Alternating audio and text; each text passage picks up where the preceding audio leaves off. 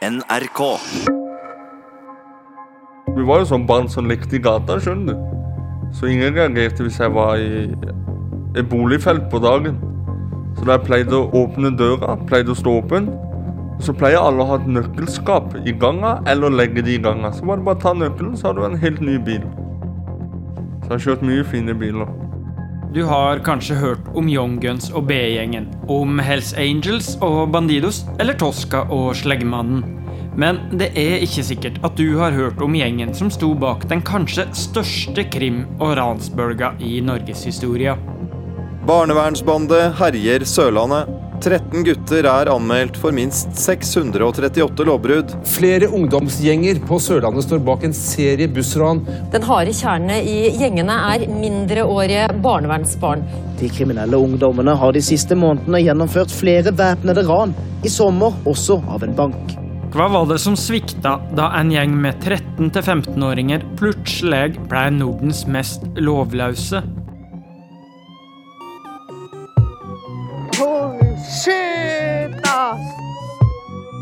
Barnevernsbanden. En serie fra P3 Dokumentar av Vebjørn S. Espeland. Fem-seks dager i uka var vi ute og, og kjørte, rett og slett. Og var nesten aldri hjemme hos oss. Men eh, da var det første gang jeg gjorde noe sånn der skikkelig alvorlig uten å brenne det huset. og sånt da. Jeg har satt fyr på alle plassene jeg bodde i, egentlig. Og vi tok bil til og med i pausen på skolen, liksom, bare for å ha noe å gjøre. Vi sa jo alle sammen at vi må slutte når vi blir 15, for da kan vi havne i fengsel. Men det, det gikk jo ikke. Da forsøker jeg å ringe Bastøy fengsel for å få tak i Glenn.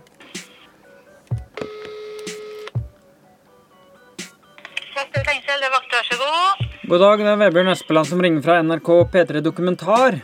Jaha, hei. Hei, jeg driver og lager en dokumentar om en som har blitt flytta til dere. Så jeg lurte på om jeg eh, kunne få snakke noen med om besøk til han. Litt.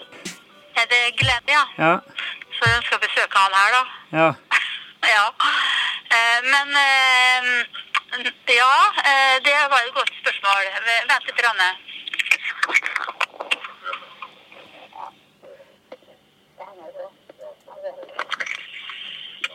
Ok.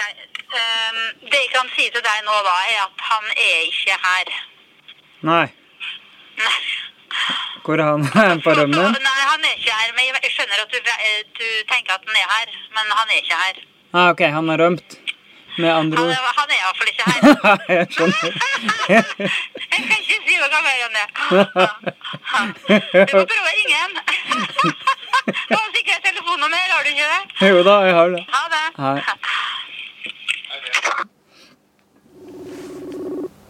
Ringer jeg Glenn.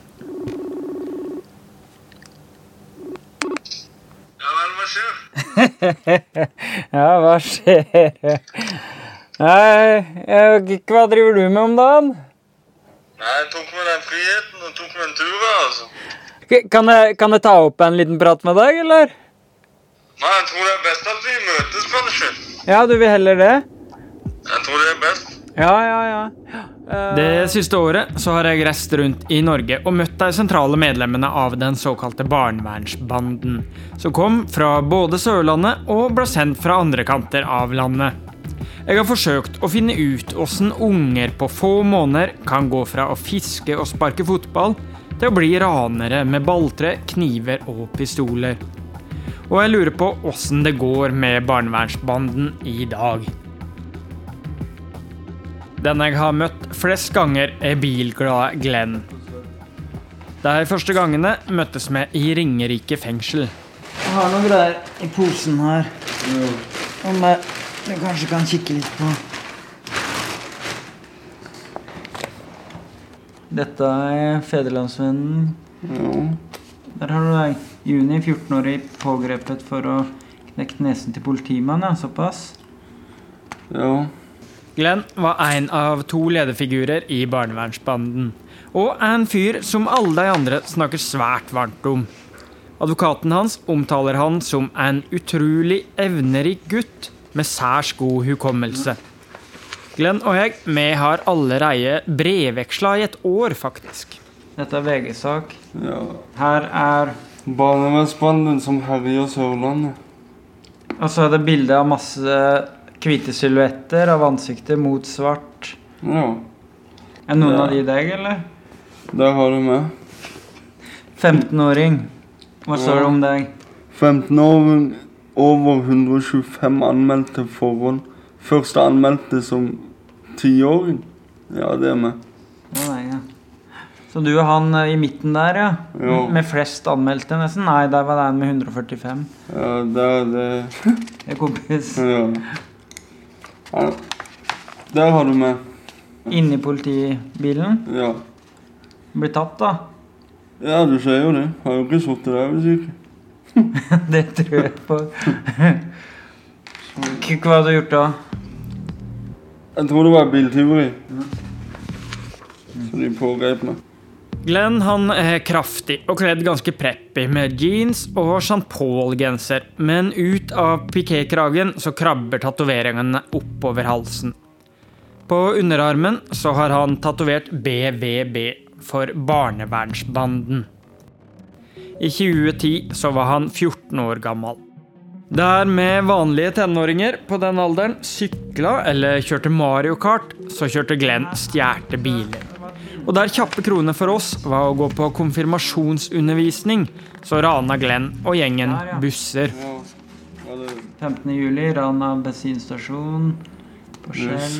Bussran. På Hånes.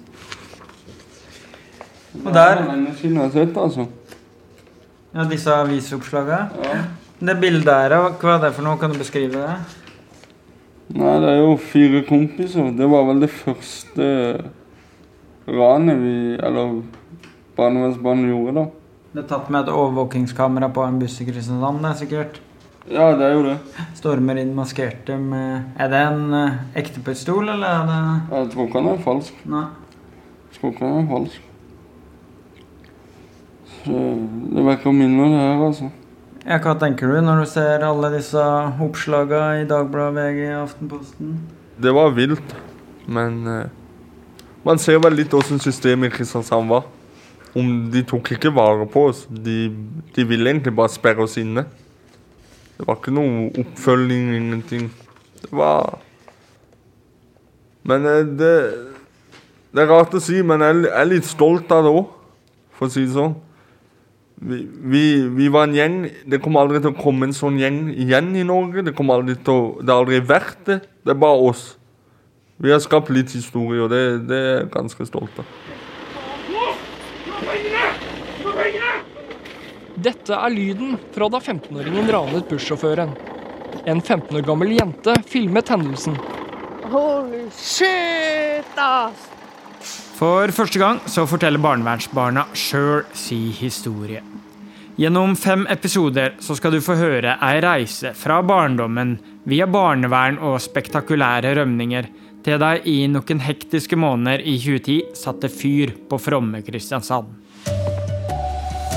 De siste månedene har flere ungdommer på 14 og 15 år som tilhører barnevernsinstitusjoner på Sørlandet, begått over 500 lovbrudd. Dette omfatter bl.a. ran, vold, alvorlig narkotikakriminalitet, vinningskriminalitet, kjøring i påvirket tilstand og trusler. For andre gang på tre måneder er en bankfilial i Kristiansand ranet. Infernoet av stjålne biler og væpna ran blei så brutalt at bussjåførene i Kristiansand nekta å stoppe for tenåringene i frykt.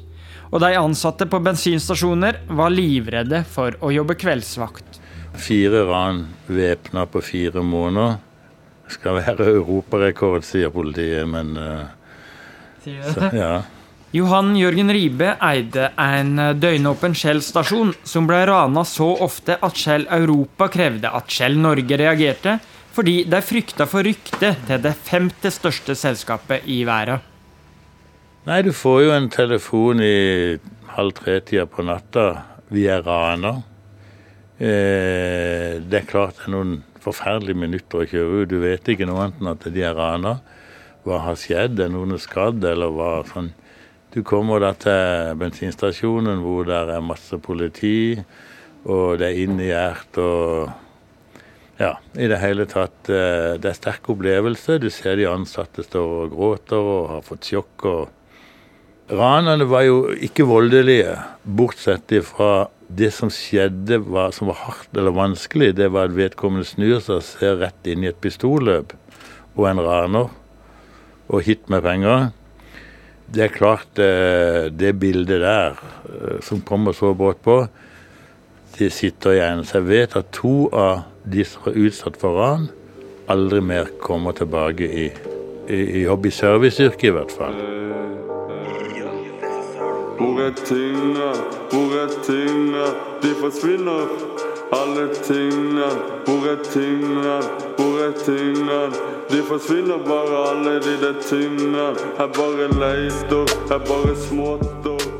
Du har sikkert brutt lova. Kanskje du har stjålet litt eller røyka hasj. Men er du kriminell? Åssen går en fra å naske og røyke tjall til å bli en hardcore ungdomskriminell? Jeg husker egentlig bare gode ting fra jeg var liten. Jeg spilte veldig mye fotball. Det var det som skjedde. Og så storebroren min og vennekretsen hans. sin. Jeg fikk aldri lov å være med og spille med de. Det husker jeg. Jeg husker fisketurer med min far. Jeg husker eh, vi gikk hele familien og bada og var på stranda og sånne ting. Åssen strand, da? Det er et sted som heter Kroden. Litt utenfor Kristiansand. Der vi pleide å gå, hele familien. Meg og lillebror min fanger krabber hele tida, husker jeg. Og min mor hun lå og sola seg, min far sola seg. Ved fotballen, var det liksom drømmer om å spille på Start, eller? Ja, selvfølgelig Start og Tottenham, det har jo vært, vært det jeg har hatt lyst til, men jeg var dessverre ikke så god. En ganske vanlig gutt som drømte om å bli fotballproff eller bilmekaniker. Glenn vil ikke at jeg skal ta med så masse av det han har fortalt om foreldra, utenom at han var veldig glad i deg. Men familien min er ikke den rikeste, ikke sant? De trygda begge to.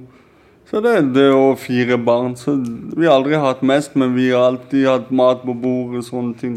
Noe av det som har overraska meg mest under disse intervjurundene rundt omkring i landet, er hvor varmt flere av barnevernsbarna snakker om foreldra sine. Var han en bra far? Veldig bra far. Han gjorde alt for lese eventyr når vi var små, fisketurer og alt. Men selvfølgelig, han Som en far, ikke sant? Han, han var, min mor var den strenge, han var den som var litt, litt mer slekk. To foreldre med tre sønner og ei datter bodde i et svart og hvitt hus på rolige Tveit øst for Kristiansand, ikke så langt fra Kjevik lufthavn. Der det var et greit sted, men folk var altfor streite der, skjønner du. Folk, Det var liksom jeg begynte litt med gale ting, og foreldrene jeg må ikke være med han og sånn. At folk var for streite er lett å avskrive som forutsigbar kritikk fra en som hadde mer enn 125 anmeldte forhold på 15-årsdagen. Samtidig så er det flere stemmer som har pekt på at den sørlandske gudfryktigheten kan gjøre det litt vanskelig for rampete guttunger. Enten så er du en lovlydig godgutt, eller så er du utafor. Eh, første anmeldte lovbrudd som tiåring, står det i VG. Hva er det? Det tror jeg var jeg stjal eh, røyk på den lokale butikken. Det, vi pleide alltid å kjøpe flakslodd, sånn at hun dama snudde seg. Så strekte jeg meg over til andre kassa og tok røyk. Så datt det ned røyk òg, og da jeg ble tatt. Vi ble grisetatt. Du har begynt å røyke som tiåring? Ja, ikke fast, men vi syntes det var kult. På ungdomsskolen jeg fikk andre interesser. Fotballen ble litt kjedelig, sånne ting. Jeg fant meg hva skal jeg si, nye venner. Og vi begynte å røyke hasj. Vi trengte penger til den hasjen, og vi likte å ha en del penger. Østra siden jeg var liten kid. Leif og dum til liten G. Så jeg fikk for smaken av noen lette penger. En av de nye folka Glenn møtte nær gågata i byen, var Emil. Første gang jeg møtte Emil, da vi satt og røyka skjall, chilla. Og så tror jeg vi stjal en bil, faktisk. Hvis ikke jeg tar helt feil. Rundt Markens, da? eller? Ja, nede i byen, rundt sentrum. Meg og Emil. Emil holdt på med sånn rollerblades før. Han trodde han var sånn skategutt. Det skjønte han fort at ikke han var. Nå tok han stolen din. Hvor er vi nå? Nå sitter vi i marken som ser utover. Tidlig på dagen, det begynner å bli kaldt. November. Men det er deilig, det. Friskt. Er dette favorittgata di, eller? Det har vel vært det i barndommen. Vi var mye. Vet ikke hvor mange ganger jeg har gått opp på den her. Emil oser av hiphop og reggae. Han har langt, mørkt hår i en caps, han har kamojakke og hvite sneakers. Med far fra Belize og mor fra Kristiansand, så har han fortsatt litt farge på denne kjølige dagen. Ja, for, Fortell om barndommen, da. Hvor, hvor var du vokst opp? Vi vokste jo opp løpende her på gata. Vært litt overalt. Bodd både i byen og så flytta vi til Grim da jeg var på barneskolen. Så ble det jo Grim. Grim? Yes. Fortell om det området. Grim var jo berykta for å være den, den harde skolen, da, ungdomsskolen da, i byen. Den verste, det er fra 90-tallet. Det har alltid vært Grim. Så det var vel litt det og litt press, ikke sant? Alle, alle skulle være så tøffe. Kommer inn i åttende klasse og ser hvordan tiendeklassingene er. og Du blir dratt inn i det, da. Og så baller det seg på, og kanskje vi ble galere enn de forrige igjen, ikke sant? Så det ble bare litt hardere. Og det er det som skjedde, egentlig. Starten av 2000-tallet, da Emil og Glenn vokste opp i byen, var ei vanskelig tid for Kristiansand. I mai 2000 så ble byen rysta av Baneheia-drapa, der to jenter på åtte og ti år ble voldtatt og drept. Da var Emil og Glenn fem år gamle. Deretter så var nyhetsbildet i flere år prega av oppslag om unge, voldelige nynazister. Men nå hadde ting liksom endelig begynt å normalisere seg i Sørlandets hovedstad. Vi hadde både kompiser der og kompiser her. Både øst og vest. Det var ikke, det var ikke lenger som i gamle dager. I gamle dager var det med nynazistmiljøer på visse sider av byen. og Utlending-walla-miljøer på andre sider av byen. og Nå var I vår gjeng var det litt mer blanda. Det var de nye kullene fra alle forskjellige plasser i Kristiansand som kom sammen. og Det ble en fin kulturell miks, rett og slett. Hvor fin den miksen var, skulle snart bli omstridt av Kristiansands bussjåfører, bankansatte og borgere. På samme tid som Emil og Glenn røkte hasj og pønska ut tvilsomme planer for å tjene penger, så var det en annen gutt som sleit med sitt i Aurskog i Akershus. Jeg slåss mye på skolen. Det gjorde jeg. Men ikke så mye. Det var ikke noe kriminalitet, på en måte. da. Det var egentlig bare aggresjonsproblem. Hvorfor var du så aggressiv? Jeg vet ikke. Var Jeg syns det var gøy òg, egentlig. Jeg bare, ah, faen, nå har det gått over en uke siden jeg sloss, nå må jeg starte et eller annet. Og så gikk jeg med vilje og prøvde å starte en fight, liksom. Josef er rundt 1,75 høy og minner ganske masse om Jay-Z i ansiktet. Men Josef ser sunnere og sprekere ut med tindrende mørke øyne. Men eh, for, fortell litt om bar barndommen, da. Hva var det du gjorde, bortsett fra å slåss? Det var egentlig stort sett det, og at jeg begynte å røyke litt tidlig. Hasj? Nei, vanlig røyk bare. Ja. Så, og moren min var jo aleinesørger på meg og søsknene mine. Så barnevernet mente hun ikke hadde nok tid, da, for hun ble ringt hele tida fra skolen. Du må komme og hente Josef. Hun bare er på jobb, og jeg kan ikke Hva jobber hun med? Vanlig butikk, men når det var én gang, to ganger, det går greit, liksom. Det var flere ganger i uka, da. Hun kan ikke dra fra jobb hver gang jeg lager problem, da. Starta med å ta masse røyk og sånn, og jeg var flink på det. Og det Hvor da? på butikker. Jeg hadde babyface og lata som jeg mista myntene bak kassa. og Bare 'Unnskyld, kan jeg plukke opp myntene?' Og så tror de ikke at jeg skal ta røykpakke, liksom. Så bare, ja, bare ta det. Mens en kompis står i kassa og distraherer, da. Så ja. Det er stort sett sanne ting i starten. Snart ble Josef plassert i fosterheim og på skole i Norges krimhovedstad Oslo. Kort tid seinere ble han sendt til Sørlandet som et verdifullt tilskudd til en helt spesiell gjeng som Glenn var medlem i fra starten av. Fortell om hvordan denne barnevernsbanden ble danna. Dere hadde ikke et sånt møte der dere laga et vedtak, Det jo og så sa dere tro og ære Nei, nei, nei, det var ikke noe sånn. Dette Bytta jo- blod? Nei, nei, det er jo media som har lagd det navnet. Vi har jo aldri lagd noe navn. Vi har aldri sett på oss sjøl som en gjeng. Vi har bare vært noen venner, og vi ble litt mange til slutt. Og det Faktisk, det begynte med PlayStation-spill. Vi gikk på Sørlandssenteret, så stjal vi de nyeste PlayStation-spillene. Så solgte vi de på GameStop. Og det var sånn det begynte. Så begynte vi å gå på baklager og ta safer og lommebøker og mobiler. På, på hva for noe? På baklager på butikker og sånn. Og så tok vi kassa når ikke de var der, og åpna og tok pengene og løp. Det var sånne ting. Og så røyka alle hasj og koste seg og drakk. Og så etter hvert så Da har vi begynt å rane ting. True oss til ting. Denne serien er av typen true crime, men ikke av den typen der ei krim- eller drapssak forblir uløst. For problemet til den såkalte barnevernsbanden var at de som regel blei tatt.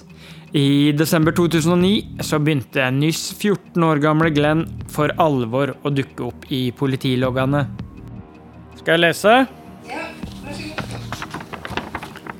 12.12.2009 klokka 02.30 forleda han eier av drosje K012 til å transportere dem til Justvik og videre til Andøya i Kristiansand, ved å uttale at hans far skulle betale når de kom til Andøya. De fortia at de på forhånd hadde planlagt å stikke av fra drosja etter endt kjøretur. Hans handlinger medførte tap for sjåføren på 838 kroner.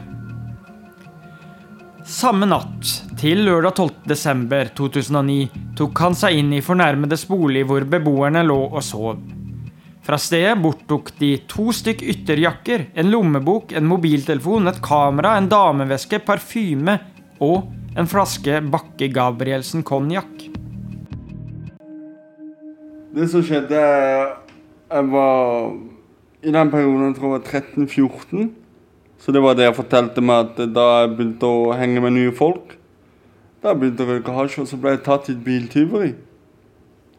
Og så var vi hos min mor, og så var det noen ganger ikke kom hjem om kvelden. ikke sant? Og min mor visste at jeg holdt på med gale ting. Så hva gjør du da, når sønnen din er i ferd med å gå fra gullunge til gangster?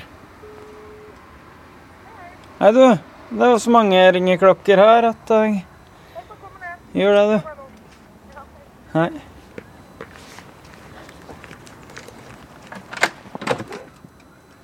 Hei.